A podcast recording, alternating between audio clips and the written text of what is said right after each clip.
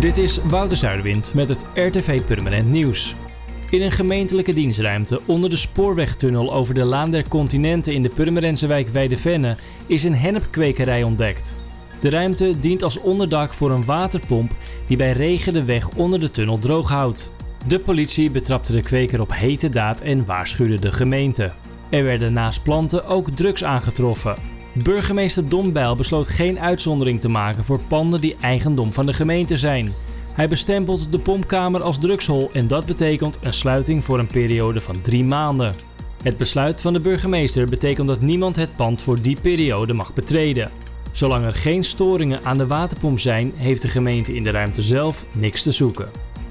Sinds deze week rijden de buurtbussen in Waterland weer volgens normale dienstregeling.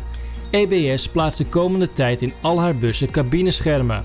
Deze worden geplaatst bij de deur naar de chauffeurscabine en zorgen zodoende voor afscherming van en extra bescherming voor reizigers en chauffeurs. Naar verwachting kunnen reizigers in de loop van oktober dan weer in alle bussen van EBS voor instappen. Het is vanaf dan ook weer mogelijk om in de bus een kaartje te kopen. Het dragen van een mondkapje voor reizigers vanaf 13 jaar blijft verplicht. Meer informatie over de dienstregeling en vertrektijden van de buurtbussen is te vinden op ebs-ov.nl.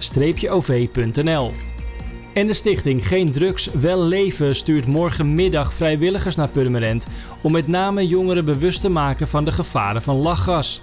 De stichting, opgericht vanuit de Scientology-kerk, hoopt dat door het uitdelen van flyers de discussie op gang komt over de gevolgen van drugs in het algemeen en lachgas in het bijzonder.